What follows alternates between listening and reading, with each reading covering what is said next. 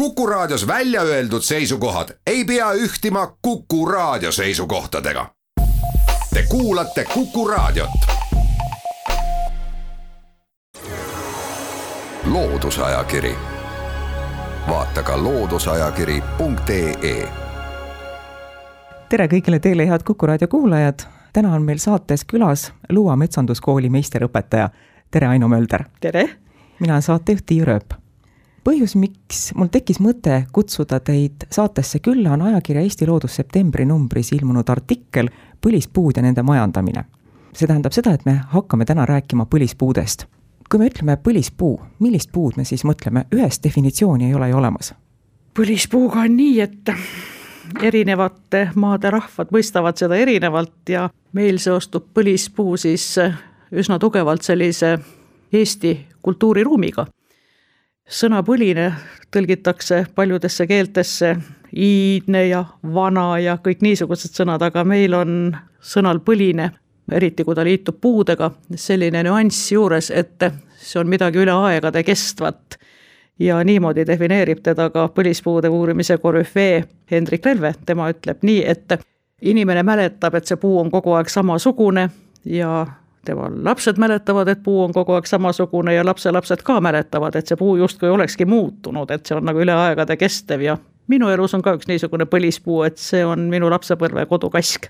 kui oli Läti Vabariigi juubeliaasta, siis oli neil üleskutse minna ja otsida põlispuid ja anda nendest teada. ja see üleskutse oli väga viljakas ma võin nüüd arvudes eksida, aga meil on ametlikult registreeritud põlispuid vast seal kuuesaja ringis, lätlastel vaata et üheksa tuhat. kas lätlased armastavad puid rohkem kui meie? no seda ei saa öelda, et lätlased oleks nüüd metsarahvam rahvas, kui on eestlased, et eestlased on vähemalt samavõrd metsarahvas ja puudeusku, kui on lätlased. aga lätlastel on mingi süsteem üles ehitatud, kuidas nemad neid puid registreerivad. Ja samas ei ole mina päris täpselt kindel, et kas see lätlaste põlispuu ja meie põlispuu nagu oma mõiste sisu poolest ikkagi kattuvad, et, et kas lätlaste põlispuu on see põlispuu, mida meie selle all mõistame, et võib-olla nemad koguvad ikkagi andmeid ja tõenäoliselt see nii ongi silmatorkavate puude kohta, mis on siis äh, keskmisest vanemad või keskmisest suuremad või keskmisest äh, sellised erakordsemad oma kuju poolest, et see ilmselt seda, nagu meie põlispuu, seda kultuurilist tausta, et seda see ilmselt ei sisalda.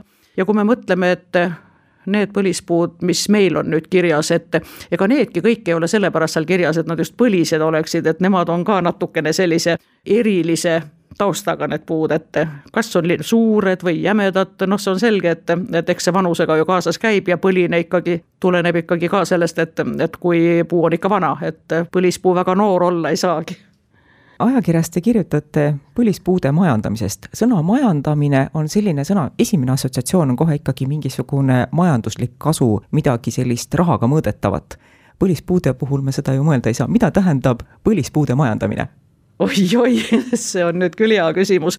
Et ma ikka pean hakkama sellest pihta, et mis asi see majandamine siis ülepea on, et igasugune majandamine on ju plaanipärane tegevus ja ja kui ma majandan noh, niimoodi, et ma ei planeeri, et siis ma võin oma majandamisega rappa minna. Ja kui me puude puhul majandamisest räägime, eks siis ikkagi eesmärgiks on see, et see puu võimalikult kaua oleks meiega, et, et ta ei läheks puude paradiisi nii väga kähku, et siin me nagu rahast rääkida ei saa, nagu, nagu majanduse puhul siis traditsioonilises mõttes, et me peame siis panema plaani paika siis niimoodi, et, et oleks ajakava, millal me teeme, et oleks tegevused paigas. sageli unustame ära selle, et tegevustega kaasnevad kulud ka, et meil oleks kulueelarve ja väga oluline on puu majandamise puhul, et seal oleks järjepidevus tagatud, et see ei ole üldse ühekordne aktsioon. ja vot kui see asi meil on kõik paika pandud, et, et mida me selle puuga tema säilimise huvides teeme, vot siis me saamegi rääkida puu majandamisest et ühekordne aktsioon ei ole puu majandamine, et, et see on mingi hooldusoperatsioon ja, ja ütleme, see on reaktiivne, aga majandamine oleks nagu proaktiivne. ja enamikel juhtudel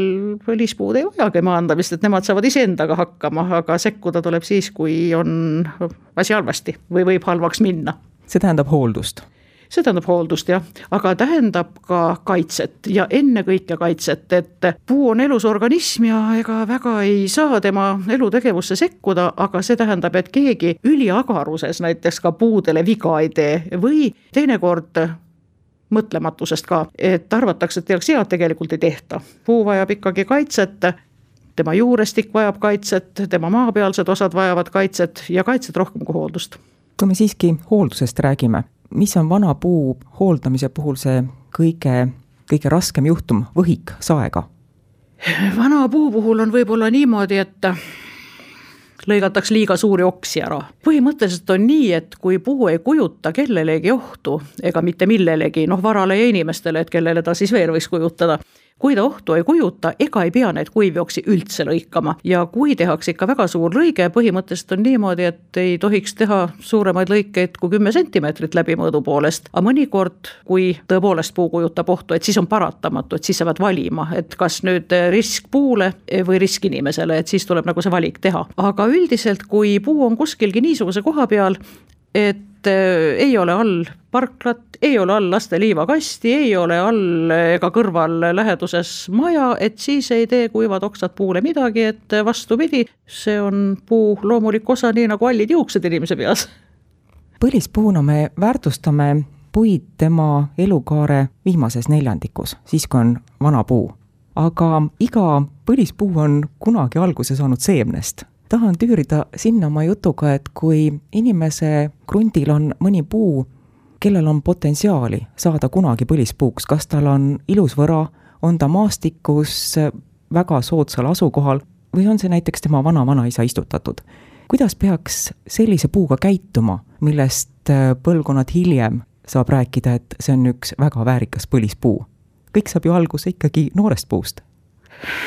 jah tuleks vaadata, et, et see puu kasvaks nii, nagu loodus on tema kasvama määranud. on ju erineva võrakujuga puid, et eks me pea vaatama, et ei tekiks hälbeid. on läbiva tüvega puid looduse poolt ette määratud kasvama niimoodi, et kui siis me oleme tema toonud loomulikust keskkonnast välja, tegelikult on ju puude koduks ikkagi mets, nii meil kui mujal ja kõik puud, mis linnas kasvavad, kusagil nad kasvavad looduses tegelikult. Ja kui me toome nüüd puu, ükskõik, kas see seeme siis sattus, vanaisa pani, pani karjapoisi keppi maasse või viskas tammetõru maasse, et ta on sattunud ikkagi inimeste ühiskonda kasvama, kus puudub teiste puude toetav konkurents, et puu kasvab sirgeks ja loomuomaseks just siis, kui tal on teised liigikaaslased kõrval niimoodi, et kollektiivne olevus karjaloom. Ja, ja vot siis võivadki tekkida sellised loomulikust kasvukujust äh, kõrvalekalded, mingid hälbed niisugused ja vot selle vastu siis peaks nagu noorest peast võitlema, et kõige hullem on, kui läbiva tööga puul, noh, kui tal tekib veekujuline harunemine näiteks, et on ladvapungaga midagi juhtunud ja hakkavad korraga kaks oksa võtma ladva funktsiooni, vot siis tuleks õigel ajal teine latt ära võtta, aga üldiselt ega puu väga ei vaja sekkumist. me teeme saatesse väikese pausi Loodusajakiri. vaata ka looduseajakiri.ee. kuku raadio stuudios on Aino Mölder, Luua metsanduskooli meisterõpetaja ja saatejuht Tiiu Rööp. oma artiklis ajakirjas Eesti Loodus te toote välja, et meil ei ole välja antud head õpikut või käsiraamatut, mille järgi inimene saaks ise talitada põlispuudega või siis äh, väärtuslike puudega, kõik nad ei pruugi veel põlispuud olla. kust kohast saada informatsiooni, kui tahta ikkagi ise toimetada ja mitte professionaali arboristi poole pöörduda? vot see on nüüd üks valus koht, ei ole jah sellist õpikut, see on tõsi. ega väga ei saa usaldada ka interneti andmeid, et sealt tuleb ka vastuolulisi selgitusi teinekord ja ega praegu ei oskagi muud öelda, et, et kui tuleb ikkagi võib-olla külastada kursusi ja käia koolitustel ja ikkagi tuleks, kui, kui omal ei hakka jõudega mõistus peale, et siis ikkagi võiks kutsuda kas või nõu andma professionaali, et võib-olla professionaal kui on selline madalamate okstega puuhooldus, et võib-olla ei olegi vaja professionaali lõikama, aga et keegi näitaks näpuga, et kust on vaja lõigata, et võiks ikka küsida abi, et ega ju hambaid ka ise ei tohterda, et ikka lähed hambaarsti juurde ja kui pimesoolikas on vaja ära lõigata, ikka lähed arsti juurde ja kirurgi juurde, et ega puuga on seesama asi. ja ikkagi jälgida kursuste pakkumisi, et äh, Eesti Arboristide Ühing korraldab kursusi, nüüdki tuleb kohe seminar vanade puude hooldusest kohe kahekümne neljandal tulemas. ja Luual korraldame kursusi ja on muidugi ka erialane koolitus kohe, arboristi koolitus, kuhu saab õppima tulla või oma noored, noored perekonnaliikmed ja, ja sõbrad õppima suunata. et ega ta nii tuleb, aga võime öelda, et puuhooldusest meil ei ole ju palju räägitud tegelikult enne taasiseseisvumist, et puud kasvasid nii, nagu nad kasvasid ja kui nad suureks kasvasid ja enam ei mahtunud oma kasvukohale, siis võeti pea maha, lõigati pool puud maha ja arvati, et nüüd sai hea küll et sealt lähevad siis mädaniku tekitajad sisse nendest suurtest lõikehaavadest ja, ja me tegelikult nagu professionaalsest puuhooldusest räägime ikkagi ainult viimase viieteist aasta jooksul, nii et see on nagu selline arenev valdkond ja kõik, kes vajavad nõu, et kõik võivad helistada meie kooli arboristika osakonda ja mulle helistatakse ka aeg-ajalt ja siis mina ohjeldamatult annan nõu nii palju, kui küsitakse. praegu on meie vestlus põlispuudest olnud üsna inimesekeskne põlispuudel on meie jaoks suur esteetiline väärtus, nad on midagi igikestvat, ilusat. loodusele, mis on põlispuu väärtus? loodusele on kodu teistele eludele, sellepärast ei võigi väga sekkuda sinna põlispuu ellu, et kui tulevad need kuivad oksad, et seal leiavad siis kodu samblikud ja samblad ja putukad ja, ja kui on putukad, siis on linnud ja kui on tüves kõdupuitu, siis tekib sinna õige pea tegelikult selline võib-olla oksaava, sinna saab keegi minna pesa tegema, seal on varjevõimalused, nii et kui ei ole häda, et, et puu ohustaks, et siis võiks nagu jätta kõik, mis puuga juhtub tema vananedes, et, et selle võiks jätta loodusele ja isegi on niimoodi, et kui see puu on ükskord surnud, no meil oli Luual üks väga-väga vana tamm, et Luua pargi kõige vanem puu ja me mõtlesime, et las tal nüüd olla. et ega me teda nüüd maha küll ei hakka võtma ja ta hääbus õige mitu aastat, et eh, ikkagi oli kolm elusat oksa, siis oli kaks ja siis oli üks ja siis polnud enam ühtegi ja me mõtlesime, et las ta ikka olla püsti, sest seal eh, leidsid tõesti kodu väga paljud teised olendid. ja siis käis ühe korraga nii suur pauk, et terve luua peal oli kuulda, puu oli pikali, ta oli oma elu ära elanud, aga ta on praeguseni seal, kuhu ta pikali kukkus, ainult tee saagisime vabaks, et sealt minna saab. et eh, teised elud on seal nüüd kodu leidnud oleme rääkinud puude maapealsest osast, aga praktiliselt mitte sõnagi puude nii-öelda maa-alusest võrast, juurtest.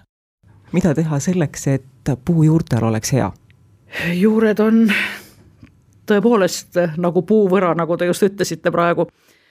kui me näeks sinna maa alla, kui maapind oleks läbipaistev ja maapind oleks klaasist, et siis me näeks, kui kaugele see puu juurestik tegelikult ulatub väga paljud inimesed arvavad, et puu on nagu porgand, et, et läheb üks juur maa sisse alla ja kole sügavale ja, ja ongi kõik, aga tegelikult eriti vanematel puudel just, et see peajuur, mis noorel puul on olemas, tegelikult vanemast peast see hääbub ja, ja puu juurestik läheb laiali ja ta läheb ikkagi kordades kaugemale, kui on võra ulatus ja ta on suhteliselt maapinna lähedal. enamikel puuliikidel on nii, et kõige toimivam osa juurestikust on kuskilgi noh, kolmekümne sentimeetri paksuses pindmises kihis. ja unustame selle ka väga tihti ära, et juurestik on osa elusorganismist, et ta toitub ja hingab, nii nagu ka puu maapealne osa ja juurestik peabki kogu aeg saama kasvada, sest ta võtab juuretippudega vett ja ainult juuretippudega, et vanad jämedad puitunud juured, et need hoiavad puud püsti küll, aga nad ei võta vett ja toitained, et seda teevad ikka juuretipud ja juuretippudes on niisugused toredad karvakesed, juurde, juurekarvakesteks öeldaksegi ja need on lühiealised ja nad järgnevad vahetult juuretipule ja selleks, et need juurekarvu oleks kogu aeg uuenemas, selleks peabki juur kogu aeg kasvada saama ja me ei tohiks juurestiku kasvule seada kunstlikke tõkkeid. Ja selleks, et juur saaks hingata ei tohiks me tegelikult mulda tihendada. ja ei tohiks seal peal trampida ja tallata ja linnapuude äh, sageli selline halb väljanägemine on just tulnud mulla tihenemisest, et ühes korralikus mullas kui me võtame näiteks kantmeetri mulda, siis seal tohiks ainult viissada liitrit olla mulda ennast ja teine viissada liitrit peaks olema tühimikke ja need tühimikud on aeg-ajalt siis õhuga täidetud, kui on ähm, pikem vihmavahe või kastmise vahe noorte puude puhul ja kui on kõvasti sadanud, et siis on nad vett täis ja niimoodi see pendeldab see viiskümmend protsenti sellest mulla mahust, et ikka vesi, õhk, vesi, õhk. Aga mõlemad on puule vajalikud ja kui muld on ära tihendatud, et kui me teeme üritusi või no ma ei tea, teeme laada või, või kontserdi või miski asja puu all ja toome sinna transpordivahendeid ja inimesi palju, et siis me tegelikult tallame. Puujuurestiku peal tekitame mehaanilisi vigastusi, kust lähevad haiguse tekitajad sisse ja ja pressime selle mulla kinni, puu ei saa ei vett ega õhku. Ja veel hullem on kui me teeme mingisuguseid kaevetöid, et teeme puutüve lähedalt hästi need kaevetööd ja lõikame näiteks pool juurestikku ära. Et mida lähemalt me lõikame, seda suurema haru, jämedama haru me ju läbi lõikame. Ja mida lähemalt me kaevame, et, et siis on niimoodi, et elimineerime kohe seal võib-olla veerandi või poole juurestiku tegevusest ja noh, see kohe on paista puu maapealsetes osades maapealsete osade seisundis, et hakkab kuiv oks sisse tulema ja puu muutub tormihellaks, et üks pool on juurteta ja hoia kinni. Aitäh, Aino Mölder saatesse külla tulemast, mulle tundub, et me jõudsime just soojaks rääkida ja nüüd alles võikski alustada puudest rääkimist. no mul on natuke sama arvamus, et kahjuks saateaeg paneb meile limiidi ette, keda huvitab, mismoodi põlispuid majandada, siis soovitame ajakirja Eesti Loodus septembri numbrit. aitäh veel kord saatesse külla tulemast! nii, aitäh kutsumast! saatejuht Tiia Rööp tänab ka kõiki kuulajaid, jälle kuulmiseni! loodusajakiri, vaata ka looduseajakiri.ee